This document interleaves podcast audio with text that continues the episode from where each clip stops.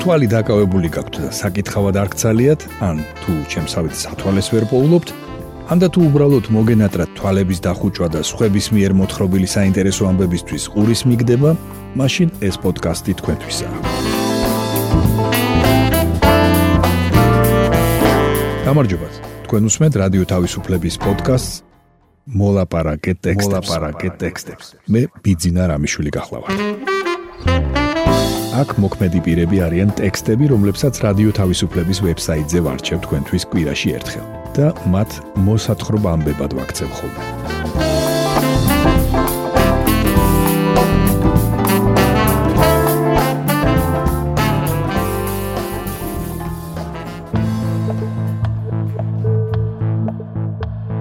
მოგითხრობთ აფხაზების მუხაჯირობის ისტორიაზე და ვისაუბრებთ თბილისის ლიფტებზე.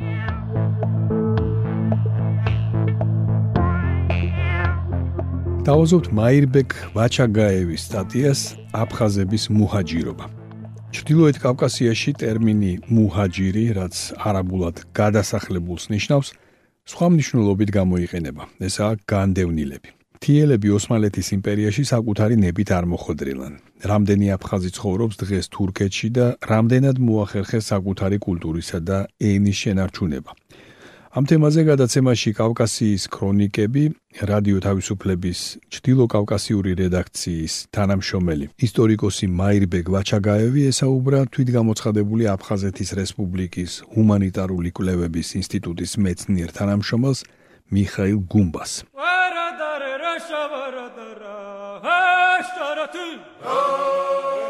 მაირბეგ ვაჩაგაევი რამა იძულა აფხაზები მე-19 საუკუნეში ისტორიული სამშობლო დაეტოვებინათ და ოსმალეთის იმპერიაში გადასახლებულიყვნენ. მიხაილ გუმბა ეს ბევრმა რამემ გამოიწვია. მე-19 საუკუნის დასაწყისში კავკასიაში ასეთი ვითარება შეიქმნა. რუსეთის იმპერიამ 1783 წელს ყირიმის სახანო შეიერთა, რამაც დიდი დარტყმა მიაყენა ოსმალეთის იმპერიის ინტერესებს შავ ზღვაზე. ამის შემდეგ რუსეთი აღმოსავლეთ საქართველოსთან გეორგიევსკის ტრაქტატს აფორმებს. 1804 წელს კი უკვე დასავლეთ საქართველოსში შემოდის. ამ დროს აფხაზეთს ქელეშ ბეი ჩაჩბა მართავდა. ის მიხვდა, რომ თურქეთი, რომელიც დიდი ხნის განმავლობაში მისი პარტნიორი ქვეყანა იყო, სუსტდებოდა და შეეცადა რუსეთთანაც გამოენახა საერთო. არც ურდა აფხაზეთი რუსეთ-თურქეთის ბრძოლის ველად ქცეულიყო. მე-18 საუკუნის ბოლოს და მე-19 საუკუნის დასაწყისში რუსეთსა და თურქეთს შორის მუდმივად ომები იყო. ხან ბალკანეთში, ხან შავი ზღვის პირას, ხან ყირიმში. ქელეშბეი ჩაჩბა თურქეთის სულთანსა და რუსეთის იმპერიას შორის ლავირებას ცდილობდა. არც თურქებს და არც რუსებს საშუალება არ მისცა აფხაზეთი თავიანთი მიზნებისთვის გამოეყენებინათ. 1808 წლის 2 მაისს ჩაჩბა სოხუმის ციხესიმაგრეში მოკლეს თავის რეზიდენციაში. მის შვილებს ასლანბეისა და საფარბეის შორის განხეთქილება მოხდა. ასლანბეის ოსმალეთის იმპერია იმედებოდა. საფარბეიმ კი, რომელიც მეგრელების დადიანის სიძე იყო, მხარდაჭერა სამეგრელოში პოვა. სამეგრელო კი უფრო რუსეთს უჭერდა მხარს. 1810 წელს რუსეთ-თურქეთის ომის დროს რუსულმა სამხედრო გემებმა სოხუმის ციხესიმაგრე შტურმით აიღეს და თურქული გარნიზონი განდევნეს. პროთურქული ორიენტაციის მქონე ასლანბეი იძულებული გახდა აფხაზეთი დაეტოვებინა. მან თან ოჯახი და ახლობლებიც წაიყვანა. სწორედ ამის გამო 1810 წელი მუჰაჯირობის პირველი ტალღის პერიოდად ითვლება. ამის შემდეგ აფხაზეთის მართვას საფარბეი შეუდგა. 1824 წელს ასლანბეის შემოჭრამ და დამარცხებამ, ასევე იმ კონფლიქტებმა, რომლებიც ამ მოვლენას 1830 და 1837 წლებში მოხდა, მუჰაჯირობის ახალი ტალღა გამოიწვია. 1866 წელს სოხუმის სამხედრო განყოფილების ხელმძღვანელმა პოლკოვნიკმა კონიარმა და მისმა ხელქვეითებმა ჩერეპოვმა და იზმაილოვმა ხალხი ლიხნის მოედანზე შეკრიბეს და გამოუცხადეს, რომ აფხაზეთში ბატონყმობა გაუქმდებოდა. სანაცვლოდ კი მათ აზნაურებისთვის გამოსასყიდი უნდა გადაეხადათ.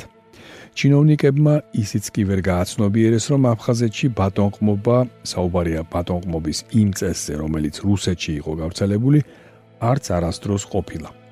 როდესაც ხალხს უთხრეს, რომ თავისუფლების სანაცვლოდ თავადებისთვის უნდა გადაეხადათ, შეწრწუნდნენ. შეურაცხყოფილები იყვნენ როგორც უბრალო გლეხები, ისინი არასდროს ყოფილან მონები, ასევე აზნაურები და თავადები. ამ გაუაზრებელმა განცხადებამ ლიხნის აჯანყება გამოიწვია. დახოცეს პოლკოვნიკი კონიარი, მისი ჩინოვნიკები ჩერეპოვი და იზმაილოვი, 4 ოფიცერი და 50 კაზაკი.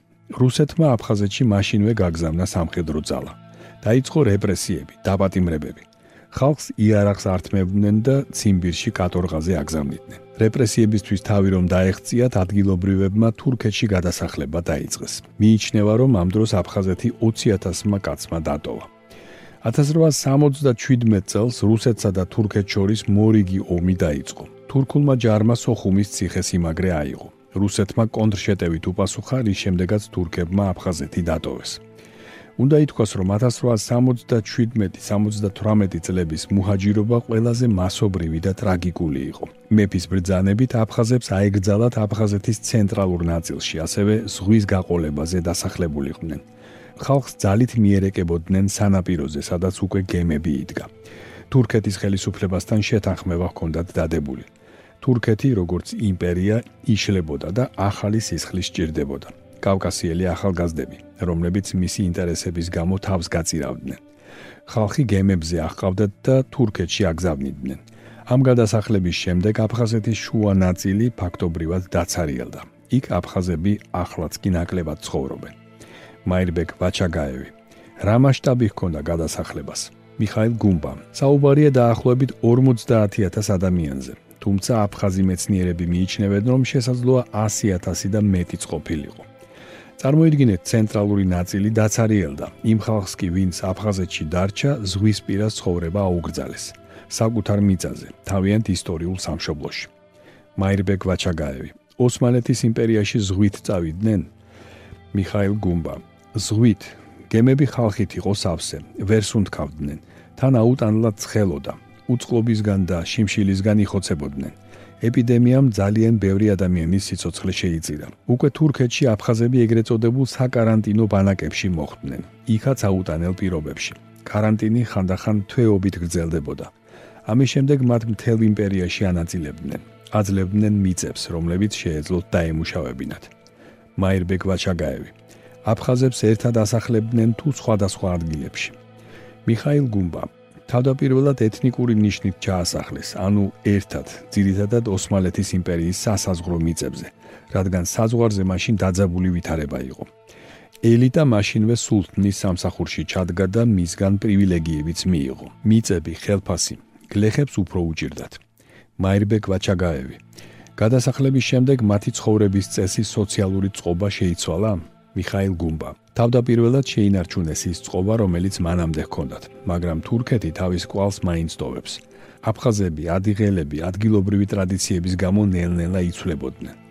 მაირბეგ ვაჩაგაევი რა როლი დაეკისრა ამ შემთხვევაში თავადაზნაურობას? ჰქონდათ რამე გავლენა თანამემამულეებზე? მიხაილ გუმბა აზნაურობას გლეხების ცხოვრებაში აქტიურად ჩარევა აფხაზეთშიც კი არ შეეძლო. გლეხები თავისუფლები იყვნენ. ყველაზე ძლევამოსილი თავადებიც კი ერიდებოდნენ მათ განაცხენებას, მათი ღირსების შელახვას. დიდი თავადი ქელეშბეი ჩაჩპა პირველ რიგში სწორედ გლეხობას ეყრდნობოდა. მათი დახმარებით შეძლო აფხაზეთი ასე კარგად ემართა. ამიტომ ვერ ვიტყვით, რომ თავადაზნაურობა გლეხობაზე რამე გავლენას ახდენდა. თავადს ავტორიტეტი ჰქონდა, მაგრამ არა ძალა. მისი არეშინოდათ. ამგვარი რამ აფხაზეთში არასდროს ყოფილა. თავადები თავიანთი ცხოვრებით ცხოვრობდნენ, გლეხები თავიანთით. ვერ ვიტყვით, რომ გლეხები თავადებს ემორჩილებოდნენ. მაირბეგ ვაჩაგაევი, რასაკეთებდნენ აფხაზები ენის ტრადიციების შესანარჩუნებლად? მიხაილ გუმბა თურქეთის ხელისუფლება ნაციონალურ ანკლავებს დიდად არ წყალობდა. ყველა, ვინც თურქეთში ცხოვრობს, მათთვის თურქია და თურქულად უნდა ლაპარაკობდეს. ამ პირობებში აფხაზები და ადიღელები საკუთარ ენას და კულტურას მაინც ინარჩუნებდნენ. დღეს, როდესაც აფხაზური დიასპორის წარმომადგენლები თურქეთიდან ჩამოდიან, აფხაზურად თავისუფლად ლაპარაკობენ. ეს გახდათ მაირბეგ ვაჩაგაევის სტატია აფხაზების მუჯაჰირობა. თქვენ უსმენთ პოდკასტს მოლაპარაკე ტექსტებს. ახლა წაგიკითხავთ ეკა ქევანიშვილის სტატიას. გაწყდება, არ გაწყდება თბილისის ლიფტები. დაახლოებით ერთი კვირის წინ რადიო თავისუფლებას თბილისში ალექსანდრე ყაზბეგის გამზირის ნომერ 18-ში მცხოვრებმა მამაკაცმა აცნობა, რომ მათ корпуში ლიფტის ბაგირი ჩაწყდა. იმ მომენტში ლიფტში მგზავრი არ იყო და არავინ დაშავებულა. ამ корпуს, ისევე როგორც თბილისის არაერთ ძველ корпуს, ორი ლიფტი ემსახურება: სატვირთო და სამგზავრო. ჩვენი რესპონდენტი ამბობდა, რომ სწორედ სამგზავრო ლიფტი დაზიანდა. ლიფტის ბაგირი გაწყვეტამდე იყო მისული, მაგრამ არ გაწყვეტილა. თუმცა რადგან მოძრაობა აღარ იყო უსაფრთხო, გააჩერეს. გვითხრა корпуსის ამხანაგობის თავმჯდომარემ ბუბა შერვაშიძემ. საბურთალოს გამგეობაში გვითხრეს, რომ ლიფტს რეაბილიტაცია 3 წლის წინ ჩაუტარეს. სამუშაოები იმ კომპანიამ შეასრულა, რომელსაც თბილისში მანამდე ათობით ლიფტი გაუმართავს. გამგეობებს თბილისის ლიფტების კონტროლი არ ევალებათ, თუმცა ჩვენი სატელეფონო ზარის შემდეგ საბურთალოს რაიონის გამგეობის მონიტორინგის ჯგუფმა ყაზბეგის ნომერ 18-ში მდებარე корпуსის ლიფტი მაინც მოინახულა და დაადასტურა, რომ მას ჰქონდა ტექნიკური პრობლემა. დადგენილი წესით ლიფტების ინსპექტირება 3 წელიწადში ერთხელ უნდა მოხდეს. თუმცა მოწმდება თუ არა მთელი თბილისის მასშტაბით ისინი, განსაკუთრებით კი ძველ корпуსებში ან რა პერიოდულობით და ხარისხით ამ კითხვაზე მკაფიო პასუხი ვერ მოვიძიეთ. არ არსებობს არც სრულყოფილი ელექტრონული ბაზა, სადაც თბილისის ლიფტების შესახებ ინფორმაცია მოიყრიდა თავს. მოსახლეობა კი შეძლებდა ამ ბაზაში ის მაინც მოეძებნა, როდის შეამოწმეს ბოლოს მათი კორპუსის ლიფტი. მერიას თბილისის ლიფტების უსაფრთხოების საკითხში პასუხისმგებლობა მოხსნილი აქვს. ჩვენს კითხვებზე პასუხების მისაღებად მათ გამგეობაში გაგვაგზავნეს. აღმოჩნდა, რომ ლიფტი, სადარბაზო სახურავი და წითელ ხაზებში გამავალი წყალკანალიზაცია ამხანაგობის საერთო სარგებლობაა და მათი მოვლა პატრონობაც ამხანაგობას ევალება. გამგეობიდან კი მოგწერეს, ამხანაგობამ უნდა მიმართოს ეკონომიკის სამინისტროს ტექნიკური და სამშენებლო ზედამხედველობის სააგენტოსო. რადგან ჩვენ გვაინტერესებდა როგორია სქემა, რომლის მიხედვითაც მოწმდება თბილისში ლიფტები, ასევე ის თუ როგორ არის პასუხისგებლობა გადანაწილებული სახელმწიფოსა და კერძო სექტორ შორის, რა მდგომარეობაშია მოძველებული კაბინები მთელი თბილისის მასშტაბით, ან რამდენი ლიფტია სულ თბილისში, ან მათგან რამდენია ტექნიკურად გაუმართავი, ეკონომიკის სამინისტროს შესაბამის სააგენტოსაც ვთხოვეთ კითხვებზე პასუხები. ამ სტატიის გამოქვეყნებისთვის პასუხები ჯერაც არ ჰქონდა მიღებული. ლიფტის გაუმართოობის პრობლემა მხოლოდ ძველ აშენებულ корпуსებში მცხოვრებ მოსახლეობას არ ექნება. ჯიქიას ქუჩაზე დაახლოებით 10 წლის წინ აშენებული корпуსის ბინადრებსაც გამოუცხადეს, რომ მათ ლიფტს ექსპლუატაციის ვადა გაუვიდა და საჭირო იყო მისი რეაბილიტაცია. როგორც ამ 11 სართულიანი корпуსის ერთ-ერთი მცხოვრები უყვება რადიო თავისუფლებას, კორპუსის ამხანაგობამ თანადაფინანსების თხოვნით ვაკის გამგეობას მიმართა. მაგრამ იქ უპასუხეს, რომ რიგში დგომა მოუწევდათ, რადგან დაფინანსების მოლოდინში იყო სხვა ათობით ძველი კორპუსის მოსახლეობაც. რამდენ ხანს მოუწევდათ ლოდინი, არ უთქვამთ. ამასობაში ლიფტი მომსახურე კომპანიამ გამორთო, რადგან ჩათვალა, რომ უსაფრთხო არ იყო. მოსახლეობამ ერთხანს იცადა, მაგრამ მალევე თავად იპოვა გამოსავალი. ფული შეაგროვეს. თითო ოჯახმა 120 ლარი. თურქეთში საჭირო ნაწილი იყიდეს და ლიფტი დროებით თავიანთი სახსრებით შეაკეთეს. იმ იმედით, რომ როცა მათი რიგი მოვა და გამგეობიდან დაურეკავენ, ლიფტს კაპიტალურ რეაბილიტაციას ჩაუტარებენ. ერთ-ერთი მსხვილი კომპანია, რომელსაც ლიფტებისა და სხვა საშიში ობიექტების უსაფრთხოების გამოვლენა ევალება, CA International-ია. რომლის გენერალური დირექტორი სანდრო შელია რადიო თავისუფლებასთან საუბარში შენიშნავს, რომ ლიფტების უსაფრთხოების სისტემა თბილისში მოშლილია. მოძველებული ლიფტები ფაქტობრივად არ მოწმდება. ხოლო თუ მოწმდება, არ არსებობს სტატისტიკა, რამდენი შემოწმდა ან რა პერიოდულობით. მისი კომპანია, როგორც წესი, მხოლოდ ახლა დაშენებული корпуსების ლიფტების ინსპექტირებას აკეთებს. ძალიან იშვიათად ხდება, როცა მათ რომელიმე ძველი корпуსის მოსახლეობა უკავშირდება და ლიფტის შემოწმებას უკვეთავს. ეს მხოლოდ გამონაკლისი შემთხვევებია. ასეთი корпуსები ან უკონტროლოდაა დარჩენილი, ან ამხანაგობები ერთ სპეციალისტს ქირაობენ, რომლის პასუხისმგებლობაც ხდება ლიფტის გამართული მუშაობა. ძველი ლიფტები, რომელთაც ექსპლუატაციის ვადა უკვე გაუვიდათ, დროის გასვლასთან ერთად კიდევ უფრო სახიფათო ხდება. უსაფრთხოების ექსპერტი ამბობს, რომ ამ პროცესში პასუხისმგებელი სახელმწიფო უნდა იყოს. მოქალაქეებს არც საკმარისი ინფორმაცია აქვთ, არც ტექნიკური ცოდნა და რაც მთავარია, ხშირად არც შესაძლებლობა, რომ კორპუსის ლიფტებს მიხედონ. დღეს რომ კანონის მოთხოვნა შესრულდეს და ზედამხედველობის სამსახურმა თბილისის ყველა ლიფტი შეამოწმოს, მოსახლეობის უდიდესი ნაწილი უნდა დააჯარიმოს, რადგან თბილისის ლიფტების აბსოლუტური უმრავლესობა გაუმართავია და ისინი ვერ დააკმაყოფილებენ სხვადასხვა ტექნიკურ მოთხოვნებს. გითხრა სანდრო შელიამ. დღეს ეს ლიფტები უბედური შემთხვევის მოლოდინშია, ამბობს უსაფრთხოების ექსპერტი. ამიტომ სულ ცოტა რაც მისი აზრით სახელმწიფომ უნდა გააკეთოს, ისინი მასობრივად უნდა შეამოწმოს, რომ თუნდაც ყველაზე სახიფათო, ყველაზე გაუმართავი ლიფტები გამოავლინოს. მე მაინც მგონია, რომ სწორი დაგეგმვის შემთხვევაში შესაძლებელია თბილისის ლიფტების ტექნიკურად განახლება და ამაში მხოლოდ დედაქალაქის მერიამ კი არა, მაგალითად ფინანსურმა ინსტიტუტებმაც შეიძლება მიიღონ მონაწილეობა. დაფინანსდეს ეს პროცესი, მოსახლეობას კი მიეცეს შესაძლებლობა, რომ ნელ-ნელა გადაიხადოს ეს თანხა წლების განმავლობაში. ეს შესაძლოა ჯამში იგივე თანხა იყოს, რასაც ისინი დღეს ხურდების დაგროვებით ლიფტით მგზავრობაში იხდიან. და არავინ იცის ეს ფული სად და როგორ ნაწილდება. დღეს გაკეთებულმა ლიფტმა კიდევ შეიძლება 20 წელი იმუშაოს. ციტადის დასასრული. სანდრო შელიამ რადიო თავისუფლებას ასევე უთხრა, რომ მათი გათვლით თბილისის ლიფტების სრული მოდერნიზაცია დაახლოებით 5 მილიონი დოლარი დაჯდებოდა.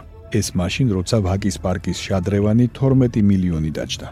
თუ იმის საშუალება არსებობს, რომ განაახლო შადრევანი, რომელიც ისედაც მუშაობდა, მაშინ უნდა გამოიძებნოს ხარჯები, რომ განახლდეს ის, რასაც მართლა სჭირდება ეს და რაზეც ადამიანების სიცოცხლეა დამოკიდებული. ის რომ ეს აქამდე არ გაკეთდა, ჩემი აზრით უფრო პოლიტიკური ნების არარსებობის შედეგია და არა ეკონომიკური მდგომარეობის, ამბობს სანდრო შელია. ბოლო რამდენიმე წელი თბილისსა და მის ფარგლებს გარეთ ლიფტის ჩამოწყვეტის, ადამიანების ლიფტის შახტში ჩავარდნის თუ სხვა სახის ტექნიკური გაუმართოების არაერთი ფაქტი მოხდა. 2020 წელს გლდანის მესამე მიკრორაიონში 6 წლის ბიჭი ლიფტის შახტში ჩავარდა. ბავშვი გადარჩა. ლიფტის ხელოსანი მაშინ ამტკიცებდა, რომ ლიფტი გამართული იყო. ვარაუდობენ, რომ ბავშვმა ლიფტი გამოიძახა, მაგრამ კარი რომ გაიღო, კაბინა იქ არ დახვდა. 2020 წელს ისევ თბილისში ბაგრატიონის 6A-ში ლიფტის ჩამოწყვეტის შედეგად 4 მოქალაქე დაშავდა. დაშავებულებს შორის ერთ-ერთი არასრულწლოვანი იყო. 2019 წელს ბათუმში აღმაშენებლის ქუჩაზე მშენებარე корпуსში ჩამოწყდა ლიფტი, რომლითაც 6 ადამიანი მგზავრობდა. 2016 წელს ლიფტის ბაგირი ჩაუწყდა ქობულეთის ერთ-ერთი 9 სართულიანი корпуსის ლიფტს. რომლითაც გოგონა მგზავრობდა. მაშინ მთელი სისწრაფით დაშვებული კაბინა მეხუთე სართულზე გაიჭედა. 2015 წელს თბილისში დიღმის მასივში მაღალსართულიან корпуსში ლიფტის ბაგირი გაწყდა, რის გამოც 60 წლის ქალი ლიფტის შახტში ჩავარდა. და ეს მხოლოდ მცირე ნაწილია უბედური შემთხვევებისა, რომლებიც გაუკონტროლებელი და მოძველებული ლიფტების მიზეზით ხდება. თქვენ გაიცანით ეკა ქევანიშვილის სტატიას გაწყდება არ გაწყდება თბილისის ლიფტები.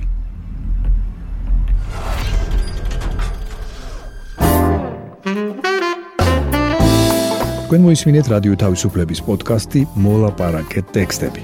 მე კვირაში ერთხელ ვარჩევ რადიო თავისუფლების ვებსაიტზე გამოქვეყნებულ ტექსტებს და მათ მოსათხრობამდებად ვაქცევ ხოლმე. ჩვენი პოდკასტი შეგიძლიათ გამოიწეროთ, ჩამოტვირთოთ ან მოისმინოთ პირდაპირ რადიო თავისუფლების ვებსაიტზე. მისი მისამართია რადიო თავისუფლება.ge თუ ჩემი ერთ მოთხრობილი ტექსტები სრული სახით დაგაინტერესებთ, მათი მოძებნა იულია. ვებსაიტზე, პოდკასტის გვერდზე იპოვით ყოველ ცალკეულ პროგრამაში მოთხრობილი ტექსტების ბმულებს. მე ბიძინა რამიშვილი ვარ. მომავალ შეხვედრამდე.